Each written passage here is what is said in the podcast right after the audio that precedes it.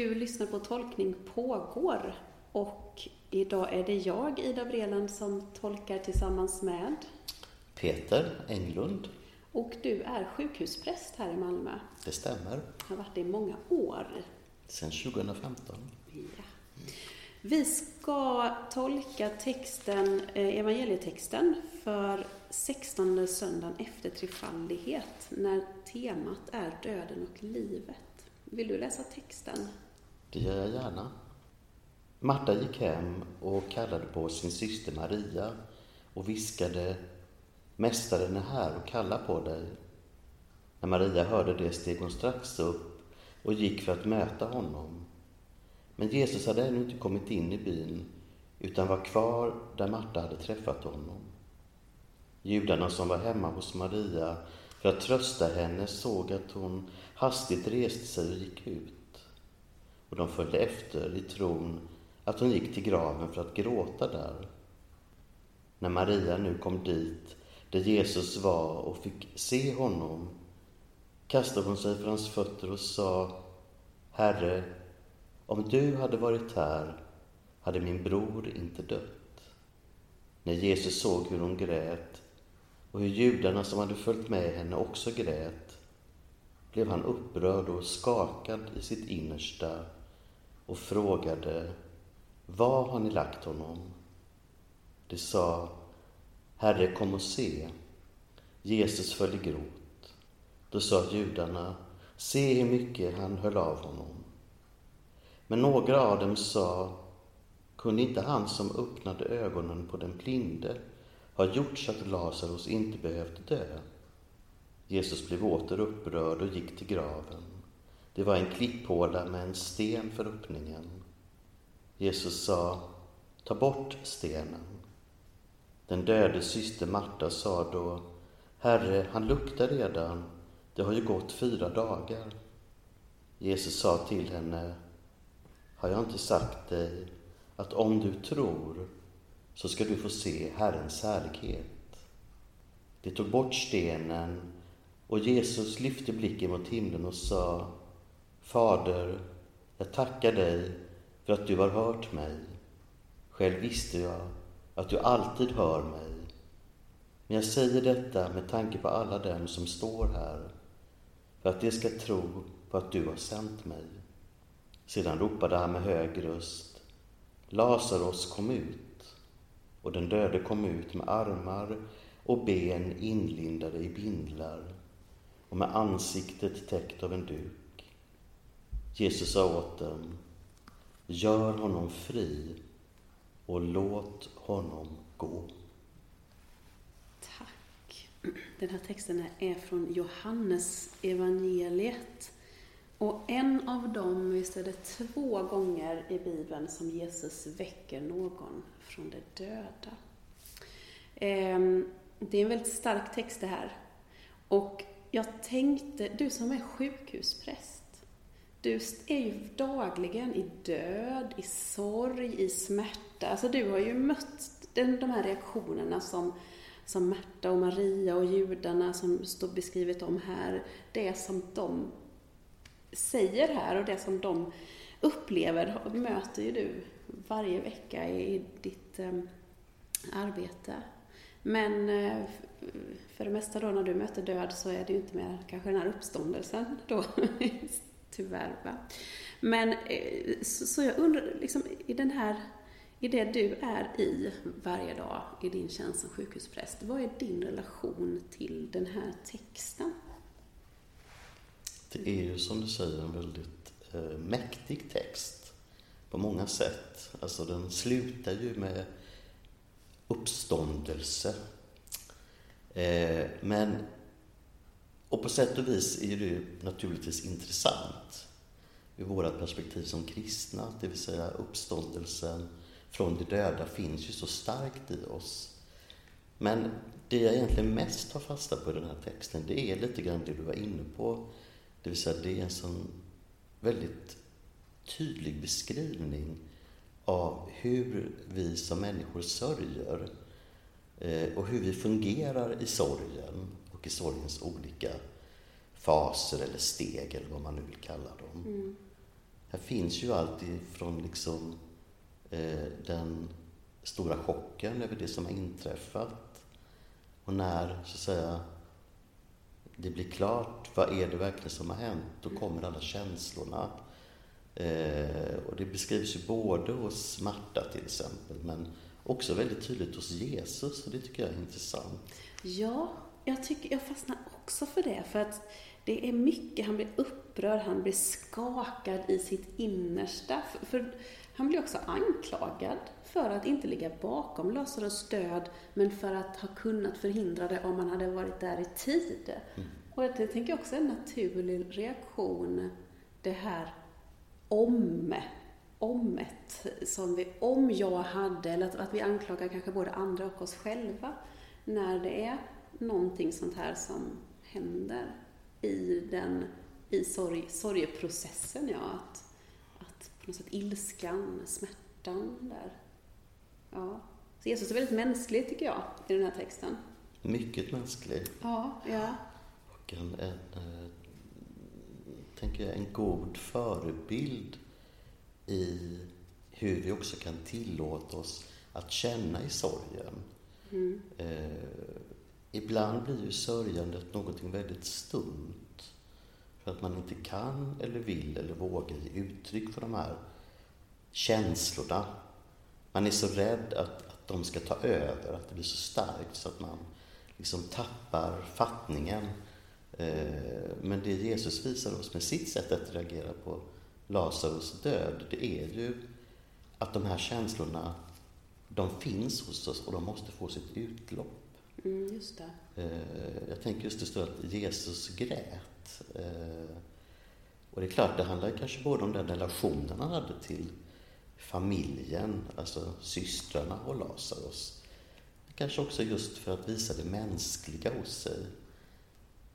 Det vill mm. säga att få ge uttryck för det man känner i stunden. Mm. Ja. Ibland känner jag att jag vill liksom förlösa människor. Ja. Att gråta. Ja. Eh, Lyckas du med det då? Ibland, ja. och ibland inte. Det, det, det kan vara väldigt olika. Ja. Men det är klart att både du och jag möter ju människor i samband med begravningsgudstjänster. Mm. Och där finns det ju verkligen alla.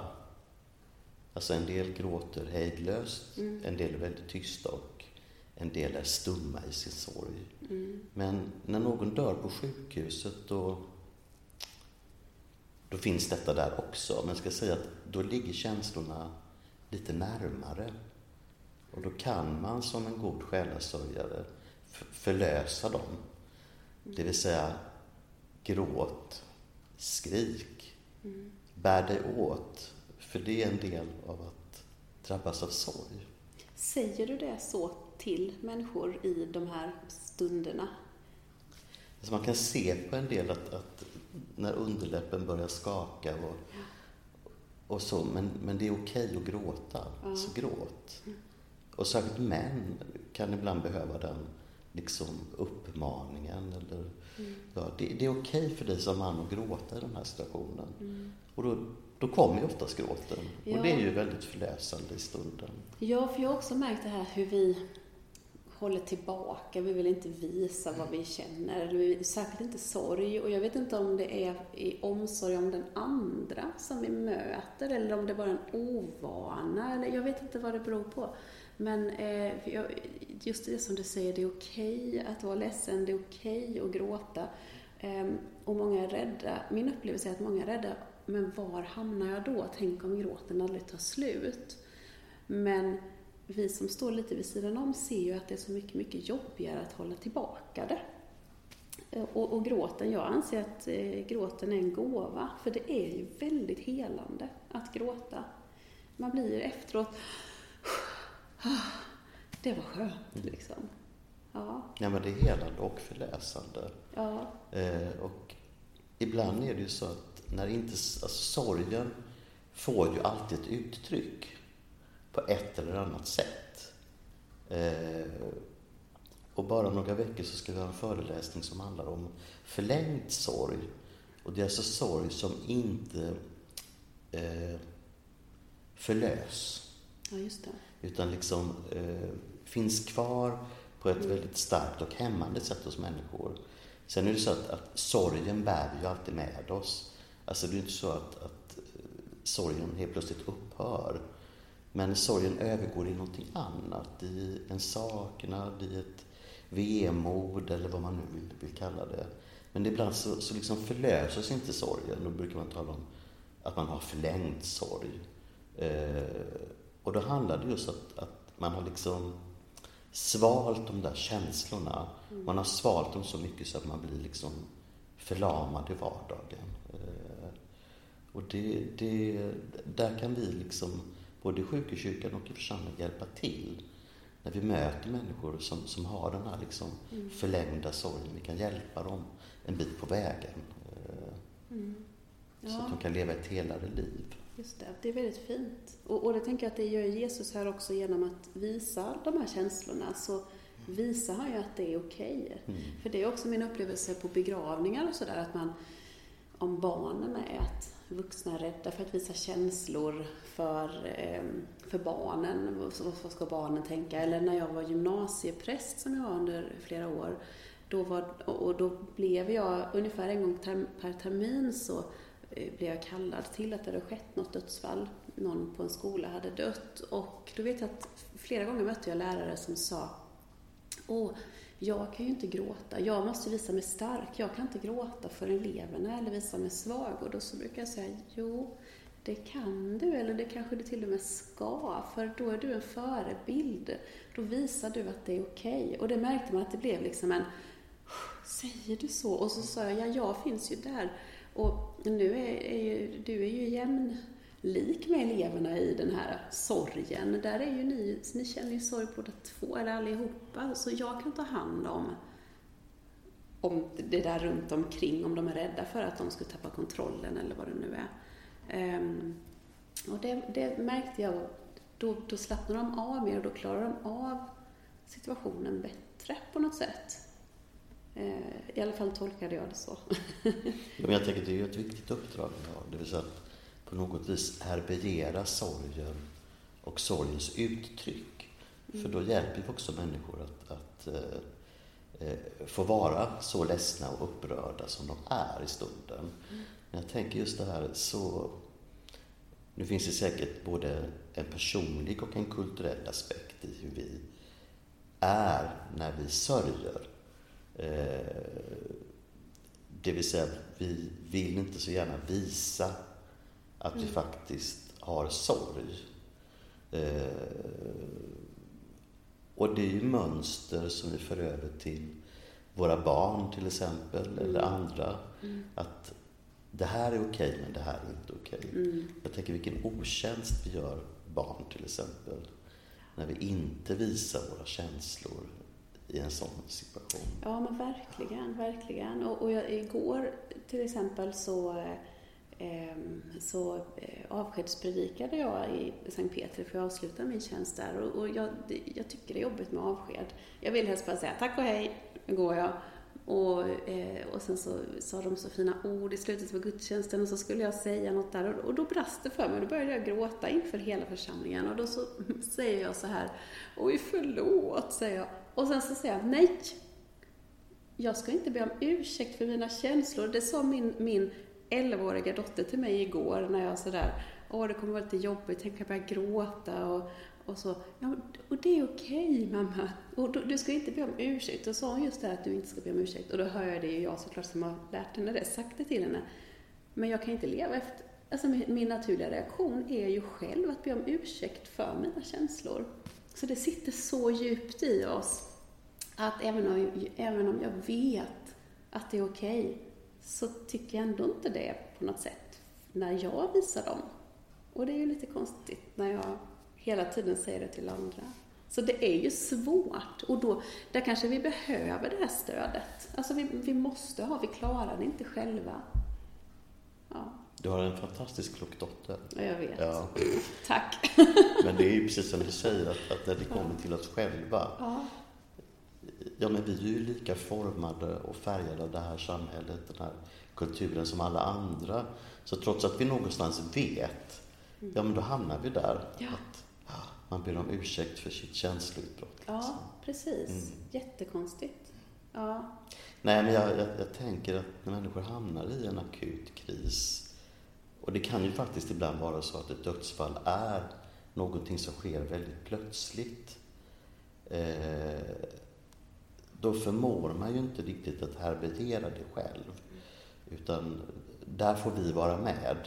Och det, det är ett av våra uppdrag på sjukhuset, till exempel när man blir kallad till akuten när någon har dött väldigt hastigt och, och så kommer de anhöriga in och allt vad det då innebär av chock och ibland förnekelse och så vidare över, över det som har skett. Mm. Eh, men då ska de ju inte behöva känna att, att här måste vi vara starka och här måste vi liksom vara några andra än de vi behöver vara i stunden. Så det, det, det får vara vår roll. Precis, ja, att vara där och sluta om. Ja, precis. Och det tycker jag är i Svenska kyrkan, eller som präster eller pastorer eller vad man nu är, att, att det finns ändå en um, trygghet, upplever jag, att människor, eller att människor känner sig trygga. Att man vet att om ni är vana vid sånt här och då slappnar man av också. Så att det mm. gör väldigt mycket, den här kragen som vi har på oss i våra tjänster, att det symboliserar någonting att åh, här är det någon som kan ta det. Hoppas jag. Mm. Kanske inte alltid så såklart, men jag hoppas det. Ja, ja men jag tror du har helt rätt. Att ja. det, ger på något vis legitimitet till stunden mm. Eh, och stundens allvar. Eh, sen får vi hoppas att det inte bara är förknippat med död, Nej. utan också den andra delen av söndagens tema och ja det som också finns i den här texten som handlar om, om livet. Mm, mm. Eh, för det heter ju inte livet och döden, utan döden och livet. Ja, det är liksom överskriften för den här söndagen. Jag tycker det är lite intressant varför man liksom har vänt på det vi dagligt tal mm. nämner liksom livet och döden. Men här är det då. Mm. Ja, hur tänker du då här? Alltså, vad, vad, fastnar du om vi ser till livet? För det är ju, den är väldigt full av liv den här texten. Mm. Så vad är det du fastnar för där? Vad vill du? Nej, men jag tänker det här är ju faktiskt en väldigt djup existentiell text. Eh, som ger mönster för sörjandet. Och där vi pratat om sörjandets olika faser. Eh, men det handlar ju faktiskt också om evighetshoppet. Eh, och det tänker jag, det, det ligger någonstans i den andra vågskålen. Det vill säga om vi kan vara de som, eh, när människor behöver stöd i sorgen, hjälper och härbärgerar, så kan vi också vara de som pekar mot det som är en del av vår kristna tro. Det vill säga evighetshoppet. Eh, och det är på sätt och vis svårare. Ja. För döden vet man, även om man liksom håller det ifrån sig av naturliga skäl, mm, mm. så vet man att, att döden kommer man på något vis få möta under sitt liv. Eh, men evighetshoppet handlar ju just om att inom sig bära med sig en tro, eller en förhoppning, eller en aning, mm. eller vad det nu kan vara som handlar om att, att livet på jorden mm har en fortsättning. Ja, och det upplever jag är att människor är väldigt mottagliga för det under begravningsgudstjänster. Det är på något sätt man blir tagen av stundens allvar och jag säger ofta om, om jag vet att det här är en eh, person som var väldigt älskad och omtyckt och, man, och, och, och man gärna alltså sörjer att den är borta. Det händer ju att vi har begravningar där man faktiskt säger att här var en idiot, en skitstövel, jag hoppas, jag är glad att han är död. Det sker ju faktiskt också. Mm. Eh, men när det inte är på det sättet så, så brukar jag alltid säga tills ni ses igen. Eller, alltså, och, och, berätta om, oh, den här personen är nu omsluten i Guds oändligt stora famn. Och att, att prata om det där evighetshoppet. Och då är människor väldigt mottagliga för det. Oavsett vad man har sagt tre veckor tidigare eller trott hela sitt liv att nej, vi dör så dör vi. Men i den där stunden, då sitter man ändå och nickar och håller med eller känner att det är en tröst. Ja. Jag, jag håller helt med dig. Sen är det klart förstås, och där måste man ha lite fingertoppskänsla. Det vill säga, du kan inte komma dragandes med evighetshoppet när någon precis nej, har dött. Nej, verkligen Det inte. blir ju liksom väldigt... Ja, det blir ju ett övergrepp nästan nästan. som ett övergrepp. Ja, ja, utan, ja. Där får liksom nästan människor själva komma med sina tankar och funderingar. Men det jag känner är viktigt är att vi har en beredskap att ta emot dem. Precis. Eh, för det har jag ibland mött, liksom, människor som har fått de där väldigt tvärsäkra svaren. Och de, jo, de kan trösta en kort stund, Mm. men ofta så följs de av lika många frågor. Och där gäller det liksom att ha en, en öppenhet att få tillsammans med en präst eller diakon eller vad det nu är, få ventilera sina tankar runt livet efter detta. Vad tänker jag? Vad tror jag? Tror jag på någonting som handlar om detta? Och där har vi som kristna liksom ändå eh, ja, Ja, 2000 år av tankar kring Ja, detta. liksom, precis, som ja. vi, vi kan dela på ett klokt sätt. ja, ja, och där är ju en, liksom en, en man måste verkligen balansera det här också. Hur, som, som du säger, att inte bara gå in, ja jag vet du är ledsen nu men, men det finns en, ett evigt, alltså, Mm. nej det är inte där vi ska, jag menar, men sen ofta också i, i den här sorgen så kommer ju ofta tankarna, men vad tror du, vad tror du pappa är nu? Eller vad tror du händer efter döden? Eller tror du vi träffas igen? Alltså då kommer ju de där tankarna liksom. Men om, om vi, den här texten nu, jag tycker det är så fint det här precis i slutet, när Jesus ropar till Lazarus, kom ut! Och sen säger han till de andra, gör honom fri och låt honom gå. Det tycker jag är, det är väldigt befriande. Det är också väldigt, eh, eh nu tappar jag ordet, att eh, ja, att Jesus säger detta, till, inte bara till Lazarus, säger det till oss, att vi ska vara fria, vi får gå. Ehm, det är bemyndigande, Mm. är det. Att vi får vara i liksom hela oss, våra personer som vi är, och gå ut och möta livet. Eh, Och det är också lite komiskt att han säger det. Det blir också lite så här, oh, här ser ni, här har ni honom. Det bara, Låt honom gå. Och människor där runt omkring vad, hur har du reagerat på Mm. det här? Man hade ju varit, om det här, liksom, om det här hade skett hade man ju blivit helt bara... Jag tänker faktiskt när man ibland då kommer till en sjuk patient eh, som ligger för döden och där de anhöriga är samlade i rummet. Eh, och eh, man känner att patienten skulle väldigt gärna vilja släppa taget. Mm. Men kan liksom inte riktigt därför att där sitter ju alla nära och kära liksom och det, det, det blir så svårt. Eh, och där vill jag ibland som sjukgymnast säga ungefär vad Jesus säger. Släpp honom eller henne fri. Låt henne gå eller låt honom gå. Mm. Eh, och det är klart, det händer ju så småningom. Och det handlar mycket om att man inte riktigt som, som anhörig då inte är riktigt där. Men, men man märker när de anhöriga liksom har kommit till den punkten. Och då finns det också en befrielse i det. Jag har väldigt sällan mött någon liksom, eh, skuld i det. Nej. Eh, men, men eh, kan finnas ibland. Men, men oftast finns det en befrielse över det här att jo, men mamma eller pappa eller vem det nu är, är faktiskt så sjuk. Så att det allra bästa vore om han eller hon fick gå. Mm. Om han eller hon blev fri. Ja, och jag antar att du också har mött vid många, många tillfällen, jag tycker det är väldigt vanligt, att man sitter och har sorgesamtal inför en begravning och så säger de anhöriga, de är lite skuldtyngda för att vi satt och vakade vid mamma dag och natt. Sen var det vid en timme där ingen av oss kunde vara där. Eller sen var jag bara tvungen att gå och köpa lite lunch och äta. Under den kvarten jag var borta, då dog hon. Ehm, och, och det är ju för att ja, men det var ju då de inte hade någonting att hålla kvar vid. Mm.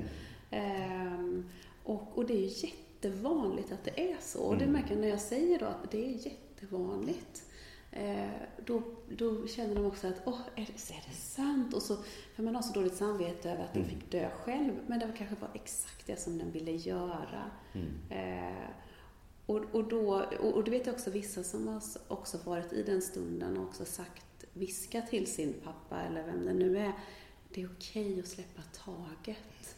Eh, Gör det nu. Och då har det bara gått några minuter, sen har de dött. Mm.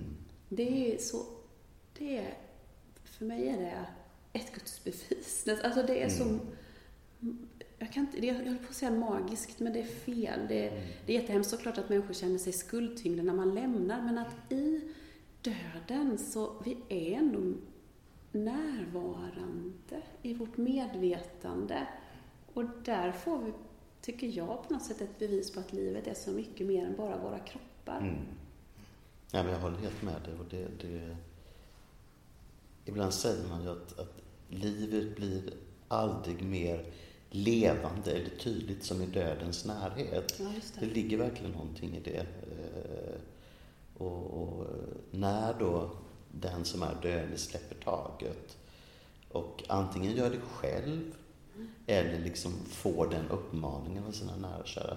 Men då, det händer ju någonting i den stunden. Ja, Det blir också så tydligt när livet lämnar ja. Mm. att, att eh, någonting som var den här personen finns inte längre kvar. Nej, just det. Eh, och och det, det slår mig bara, jag tycker det är liksom, jag tycker det är en ynnest att få vara med vid en dödsbädd. Det kanske låter konstigt men, men, men det är som du säger, det är ett gudsbevis, det är en, det är en helig stund Mm. i någon mening. Mm.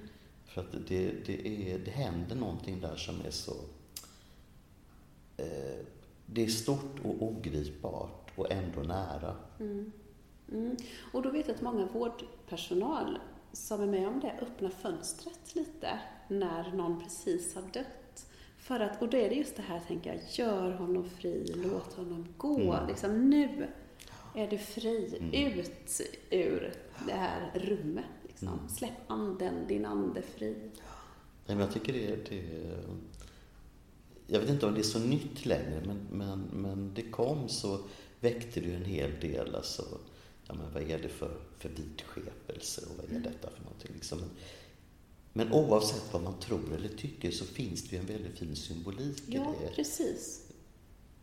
Och vi Så som vi behöver det. tänker det, så Ja. är det liksom fönstret öppnas och själen Ja. far iväg hem till Gud. ja, men precis. Fönstret mot Men man kan också tänka sig någonting annat. Ja. Beroende på vad man har för tolkningsramar. Ja, själv. Ja. Så jag tycker det finns en väldigt fin symbolik i det. Mm, mm. Ja, som man inte det. ska fnysa på näsan åt. Nej, absolut inte.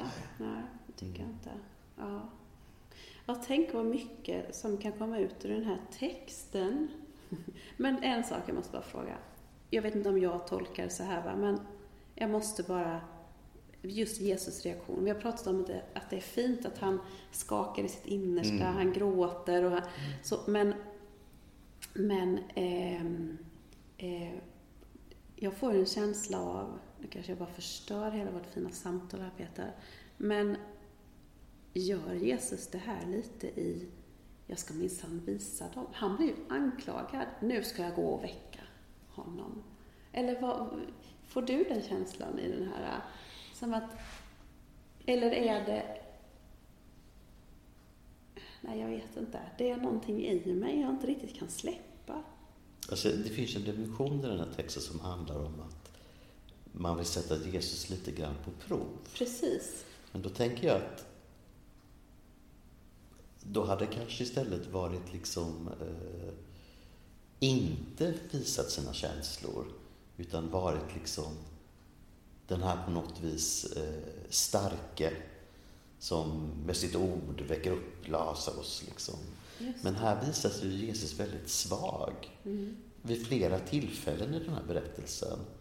Eh, och det tror jag dels rör sig som jag sa tidigare, att, att han verkar ju ha haft en mer nära relation till den här familjen. Mm. Alltså både systrarna och Lazarus. Eh, men sen tror jag också att, att det är en, en, så säga, en mänsklig reaktion hos Jesus eh, som han inte kan han kan liksom inte lägga band på sig. Nej. Utan det kommer för att han är så uppfylld av det som har skett. Just det.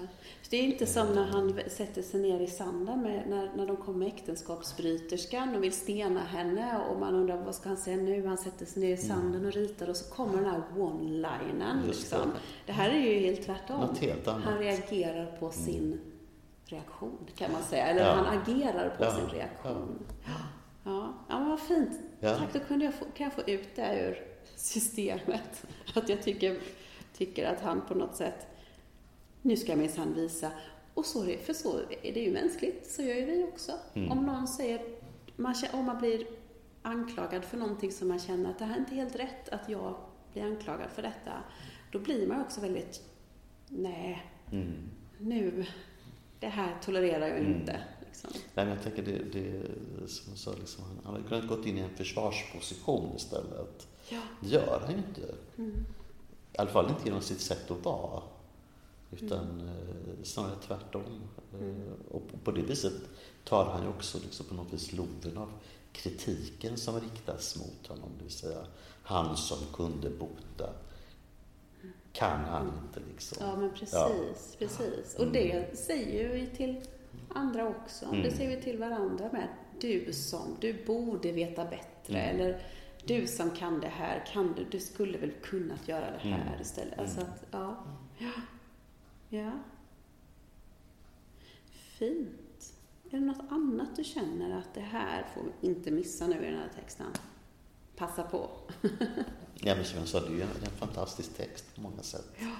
Eh, och lite grann var man själv befinner sig så kan man liksom hitta saker i den här texten som, som berör mer eller mindre. Eh, men som du sa inledningsvis så är det en text som på många sätt speglar den verkligheten som jag och mina kollegor på sjukhuskyrkan står i dagligdags. Ja, och det finns så mycket också i den här texten som man kan tolka, alltså omvandla till sitt eget liv. Dels när vi själva har fått en ny start, vi har väckts till liv igen, vi har varit i någonting som inte varit bra för oss, vi har kommit ut ur det och vi får liksom leva som hela människor och vi får fortsätta gå. Så att det finns verkligen många dimensioner. Men det samtalet är kanske för om tre år, när det är dags för den här texten igen. Tack så mycket! Tack själv! Thank you.